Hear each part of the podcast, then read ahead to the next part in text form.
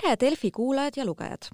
alustame järjekordse erisaatega ja seekord peatume teemal, mis tegelikult tänavu puudutab suurt osa meist, kus me peame edasi mõtlema, et mis saab meie pensionist ja ehk siis pensionireform. mina olen Delfi toimetaja Karoliina Vasli ja külaliseks on meil täna tuleva juhatuse liige Tõnu Pekk, tervist! tervist! Ja nagu ma ka viitasin, et tänavune aasta on tegelikult inimeste jaoks natuke teistmoodi, et äh, tuleb pensioni osas valikuid teha. ja kui ma vaatasin siin Pensionikeskuse viimaseid andmeid, siis eilse seisuga oli avalduse sambast lahkumiseks teinud juba nelikümmend kolm tuhat inimest. ja kõrvalt tundub see number väga suur, et äh, aga kuidas teile, et kas see pigem üllatab või on see praegu selline üpris loogiline? ja olen selle kohta ise ka mõelnud. Äh, raske on öelda, kas ta üllatab, kuna ma ei osanud midagi, midagi oodata selle, selle lahkujate arvu osas. sest et äh, siin erinevaid äh, meediaküsitlusi ja, ja arvamuste avaldusi oli nii palju, et, et väga raske on öelda, mida inimesed päriselt peale hakkavad ja noh, rahaasjades on üldiselt ka teada, et, et see, mida inimene küsitlusele vastab, et sellel ei pruugi üldiselt olla noh, väga palju seost sellega, mida inimene päriselt äh, tagantjärgi teeb. ja ka ma ei oska ka selle neljakümne kolme tuhande, see on siis kuus protsenti kogujatest äh, numbri kohta midagi öelda, et äh, konkreetsemalt ma, noh, ma näen kõrvalt, et äh, tuleval äh,, tuleva fondidest on lahkunud no, ühesõnaga soovib lahkuda umbes circa viissada inimest, mis on äh, natukene alla kahe protsendi äh, meie kogujate üldarvust äh,. jah, see on, noh, mulle meeldiks, et kui, äh, kui inimesed ei lahkuks, äh, kas on palju äh, või rohkem, kui ma ootasin, seda ma ei saa öelda, et ma, mul minu arvates sobib igal inimesel jätkata kogumist ja seetõttu sooviks väga teada, et miks, miks inimesed siiski lahku, lahkuda soovivad. jah, ilmselt praegu oleks ka nagu varasem hakata prognoosima, mis aasta peale kokku tuleb ja siin on nii palju ka nagu tegureid, mis nüüd mõjutavad inimeste üleüldine toimetulek ja siin ka koroonakriisi ja majanduslikud tagajärjed, et. ja ei, väga, noh, kui, et siin väga, väga palju sõltub tõesti sellest, et mis, kuidas avalik arvamus kujuneb noh, ma iseenesest loodan, et kuna lahkumine on ju nüüd, see ei ole ju ühekordne, et äh, pensionireform muutis teist sammast niimoodi, et sealt saab lahkuda igal ajal. tuleb avaldus sisse anda ja, ja viie kuu pärast saate, saate raha kätte, et, äh, et siis ma ise loodaks väga, et äh, ei ole äh,, väga palju inimesi ei torma kohe esimesel võimalusel äh, lahkuma ma vaatasin, et te olete ka varem äh, arvamusloos välja toonud, et teie ise jätkate kogumist, sest see muutub tegelikult kasumlikumaks, et ehk räägite natuke lähemalt, et mis nagu perspektiive teie näete? jaa, mitte, noh, ma olen ka öelnud, et see, et ma tegelikult, ma tõesti ei tea ühtegi kasulikumat äh, kogumisviisi kui, äh, kui teine sammas. et kui ma, kui ma täna juba ei oleks liitunud teise sambaga, siis ma, siis ma täna seda teeksin teadupärast pensionireform, noh, see on nüüd vähem kõlapinda leidnud, aga ka teise sambaga saab uuesti liituda. et need, kes seda varem ei teinud. ja, ja miks ma seda teen, et noh, noh esiteks minu palgast läheb sinna kaks protsenti. erinevus nüüd, kui ma paneks kaks protsenti oma rahast noh, kuhugi ise investeeriksin, siis see kaks protsenti palgast lähevad mul tulu, tulumaksuvabalt ehk siis juba kakskümmend protsenti võimendus. ja noh, teine, iga, iga euro, mis mina panen sinna teise sambasse, et siis riik paneb äh, minu arvelt makstud sotsiaalmaksust kaks eurot juurde. jah, et ma, ma tean küll, et see raha tuleb minu kokkuleppelise esimese samba arvelt. aga noh, mõtleme nüüd praktiliselt, et esimene sammas pole muud kui lihtsalt lubadus, et äh, riik maksab sulle tulevikus piskuhaaval pensionit. aga teise sambasse koguneb ju reaalne varandus ja noh, nüüd veel rohkem kui varem ma saan ise otsustada, millal, mis päeval see välja võtta ja millele seda kulutada. saan seda pärandada ja ühe korraga välja võtta, tükkhaaval välja võtta. Äh, muideks Riigikohus äh, ütles ka oma otsuses selgelt, mis puudutas siis pensionireformi, et teise samba fondides olev vara kuulub meile, kogujatele. ehk siis sinu pensionikontol vare, olev vara on sinu raha. no vot, ühesõnaga kaks protsenti enda palgast, riigi poolt kaks korda sama palju juurde. no minu meelest on see väga hea äh,, väga hea diil. ja miks ta nagu paremaks muutus äh,, sest et äh, nüüd, kui äh, nüüd pensionireformiga lahendati ära üks, äh, üks ammusemaid probleeme teises sambas, nimelt äh, raha väljavõtmine pensionieas et vastavalt pensionireformile nüüd, kui sa jõuad juba eelpensioniikka, saad kogutud raha välja võtta, tasudes kümme protsenti tulumaksu. Äh, kui otsustad hakata jupphaaval seda niiviisi fondipensionina äh, otse fondist üle pikkade aastate võtma, siis saad üldse null tulumaksuga. nii et see vabadus tekkis juurde, mis, mis varem, mida varem ei olnud ja mis varem oli tõesti puudujääk millele me ka Tuleva on mitu korda, korda viidanud ja, ja, ja petitsioone teinud äh, Riigikogule ja valitsusele, et see ära muuta. Ja see on nüüd muudetud ja minu meelest on teine sammas nüüd suurepärane kogumisviis olen kuulnud, et paljud inimesed pelgavad, et kui neid lahkjoid on nüüd väga palju, et kas need fondid enam üldse nagu teenivad nii palju, et äh, ei tule nii palju enam sisendit, raha on vähem, et äh, kuidas, kuidas selle kohta ütleksite? no jällegi ma saan noh, kindlasti öelda väga, mis, mis puudutab tulevat, et kui sa, need inimesed, kes tulevast koguvad, et siis teise samba vabatahtlikuks muutmine ei kahjusta küll mingil viisil nagu nende koguja, koguja ja jätkajate vara. meie pensionifondid investeerivad raha maailma suurimate ettevõtete aktsiatesse. Nende börsikäive on tuhandeid kordi suurem kui üldse tuleva fondide maht. meie, meie müügitehingud ükskõik kui palju neid on, et ei mõjuta nende aktsiate hinda. ei takista meil seda portfelli maha müüa ja meie võimalusi ka tulevikus investeerida ei, ei vähenda. Et noh, sedasama kehtib kõikide teiste indeksifondide kohta. noh, teiste pangafondide kohta tuleb nende endi fondivalitsejatelt küsida Neid muudatusi on väga palju, et ega paljud ka tavainimesed ei suudagi järge ajada, et mis nüüd kõik need detailis oli, et noh, tõite positiivse aspektina välja selle, et reaalsetel pensionäridel on rohkem vabadust oma raha osas, aga on seal ka praegu selliseid noh, kitsaskohti, mis on silma jäänud, et mis tekitab nagu ka fondi haldaja jaoks nagu segadust ja ilmselt ka sellise tavainimese jaoks, et, et kuidas edasi minna? Ma ei, ma ei ütleks, et noh, minu meelest selle pensionireformi tegelikult üks noh, jaa, ta tegi, ta tegi pilti keerulisemaks. et noh, üldjuhul on nii, et, et hea disain, et hea toode ei ole mitte see, kus on kõige palju, kõige rohkem nuppe, vaid et kus on ikkagi ainult just need vajalikud nupud, väga lihtsasti arusaadav äh, kasutusviis. Äh, noh, meie pensionisüsteemil on siin kindlasti minna. Aga mis on hea selle reformi juures, on see, et Eh, jah, inimesed tunnevad nüüd nagu sundi, et justkui peaks midagi tegema, siis tegelikult kogumise jätkamiseks, ka kogumise alustamiseks, kui sa oled just noor ja lähed esimest korda tööle, ei pea sa mitte midagi tegema. see jätkub automaatselt, kui sa oled noor tööturule siseneja, siis automaatselt pannakse sind teise sambasse, loositakse sulle üsna sobiv, madala kuluga, pikaajaliseks kogumiseks sobiv fond ja sa ei pane ise tähelegi kuidas sa raha sinna edasi kogud.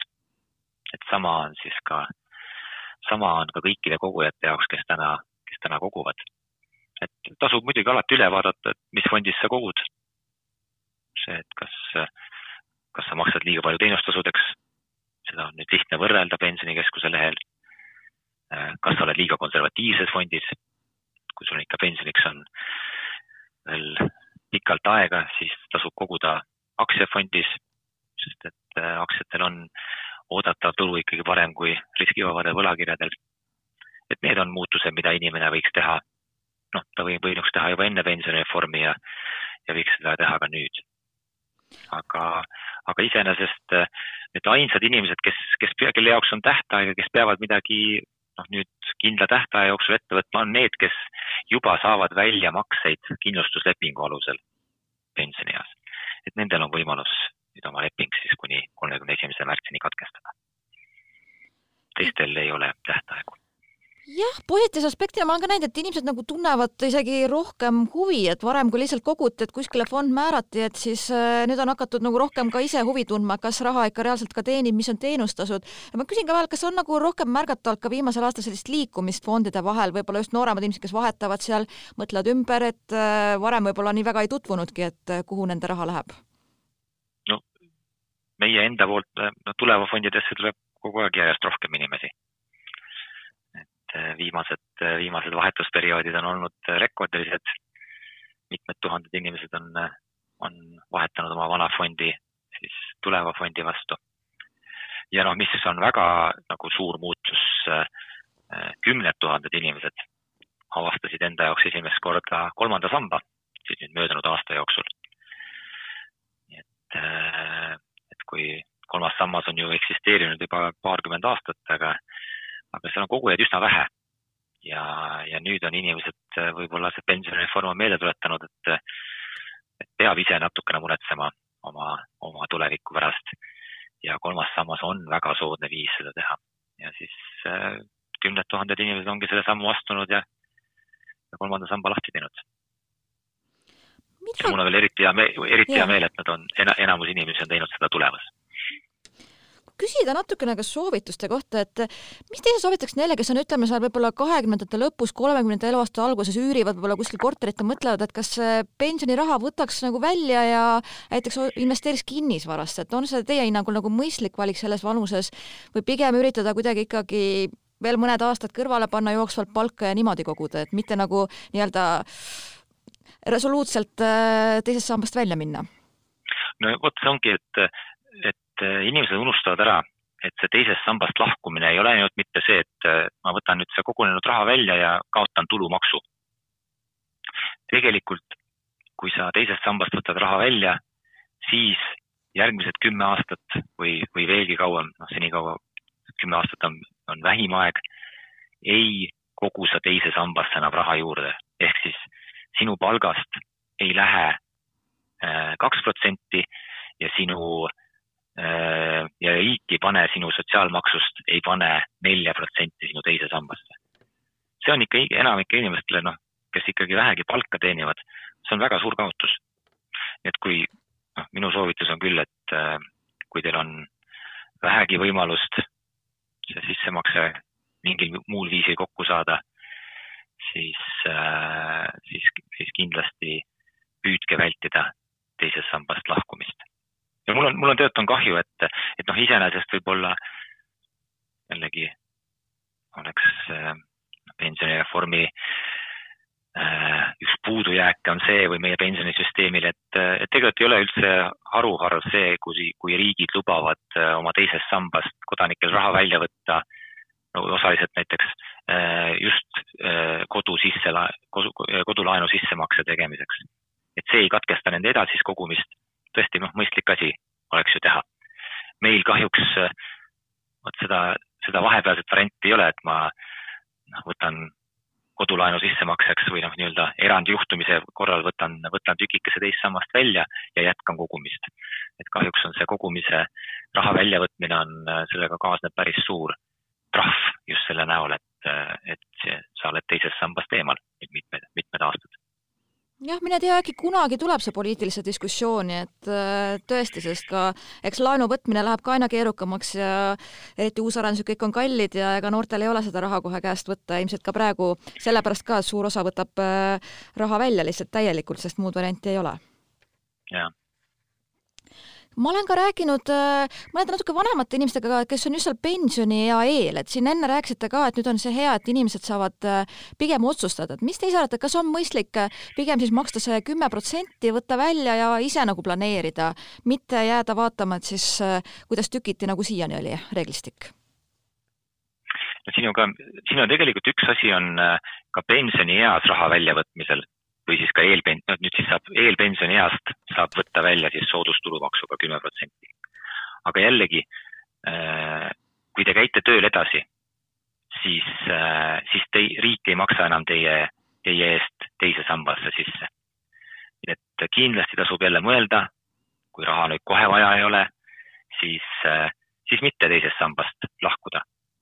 just sellepärast isegi, et kui su tulumaks on soodsam, sa kaotad ikkagi oma tulevikumaksetelt siis äh, selle, selle protsenti, mida riik sinna juurde paneks.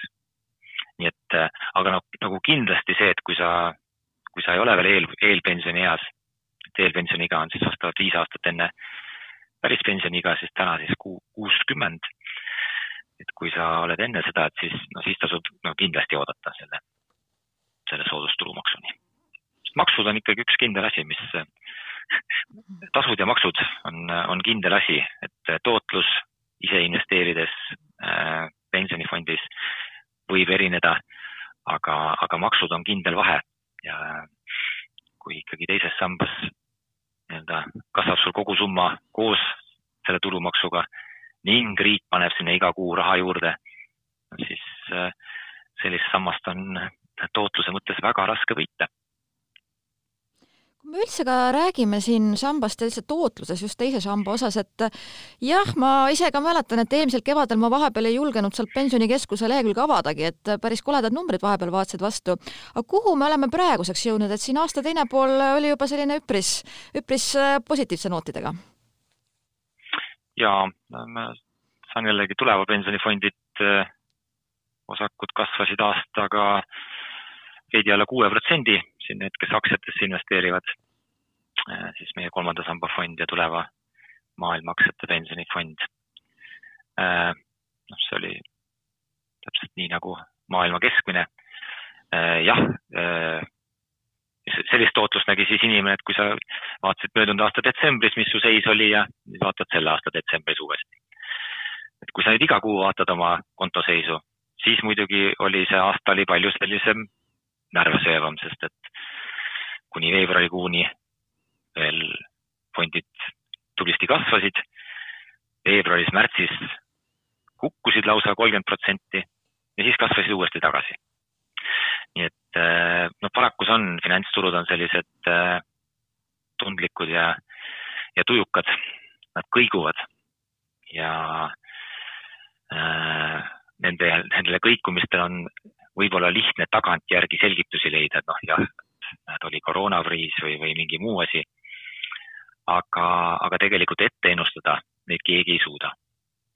seetõttu noh, selline igapäevane väga tihe oma kontoseisu vaatamine, noh, tegelikult ei tee seda tootlust paremaks mm.. et tasub ikka vaadata tootlust pika aja peale, äh, kolme, nelja, kümne aasta peale ja, ja see annab veidi parema pildi ootuste kohta, et mida sa võid siis tulevikus oodata me oleme siin korduvalt on ka vestlusest läbi jooksnud see kolmas sammas, aga küsiks kõrvalt, et just neile ka võib-olla lugejatele-kuulajatele, kes ei ole sellega nii tutvunud, et kellele seda praegu üldse nagu soovitaks või mis sissetulekust alates või kui, kuidas peab oma nagu sellist äh, finantssuutlikkust vaatama, et kui palju suudab näiteks sissetulekust protsentuaalselt kas või igakuiselt kõrvale panna? no esiteks, kolmas sammas ei kohusta sind millekski sa võid sinna sisse panna täpselt nii palju, kui sa tahad. Äh, ja nii tihti võid sinna sisse maksta, kui sa, kui sa soovid. Äh, seetõttu noh, põhimõtteliselt sobib kolmas sammas kõigile inimestele, kes teenivad tulumaksuga maksustatavat tulu. jah, et kui sa, kui sinu tulu on ainult miinimumpalk, mille pealt sa saad, on, mis on tulumaksuvaba, siis sulle kolmas sammas ei sobi, sest et, sest et sa ei saa sinna sissemaksetelt kolma, tulumaksu tagasi aga kõigile teistele inimestele sobib kolmas sammas, sõltumata vanusest. ja, ja selle plussid on väga lihtsad. sina paned sinna sisse tuhat eurot ja riik annab sulle, selle pealt maksab sinu kontole kakssada eurot tagasi. ühesõnaga, sinul jääb pensionikontole tuhat eurot kasvama, aga sa kakssada eurot äh, saad riigi käest oma kontole tagasi. just seesama tulumaksu arvelt, mida siis sa oled maksnud. ja jällegi, tasud ja maksud on kõige kindlam võit. et üldjuhul kolmas sammas sobib kõigile inimestele, kes siis teenivad tulu ja kes tahavad raha säästa, siis mõistlik on kolmas sammas ära teha enne, kui kuhugi mujale säästma hakata. just see kolmandas sambas, seal on piiratud hulk, palju sa saad raha panna. sa saad panna sinna viisteist protsenti oma, oma siis brutotulust ehk siis tulumaksuga maksustatavast tulust. nii et siis see tasub enne, see limiit tasub enne ära kasutada iga aasta ja siis hakata mõtlema muude investeerimisvõimaluste peale.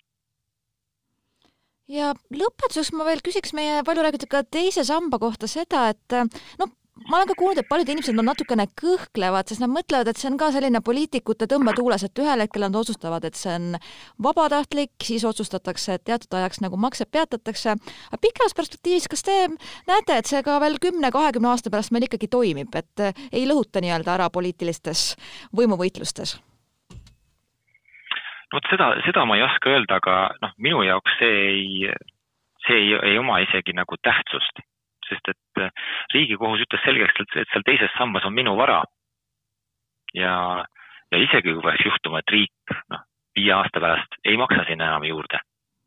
no selge, noh siis, aga siis ma vähemalt veel viis aastat korjan selle, selle sotsiaalmaksust tüki iseenda kontole, mitte ei jätta riigieelarvesse no üsna paradoksaalne on ka see, et inimesed, kes äh, on tihti, ütlevad vabanduseks, et nad soovivad teisest sambast lahkuda sellepärast, et see, noh, et nad ei usalda valitsust, siis äh, no puhtalt ratsionaalselt võttes, kui sa ei usalda valitsust, siis sa peaksid teises sambas kindlasti kogumist jätkama ja kui sa ei ole veel liitunud, siis kindlasti liituma.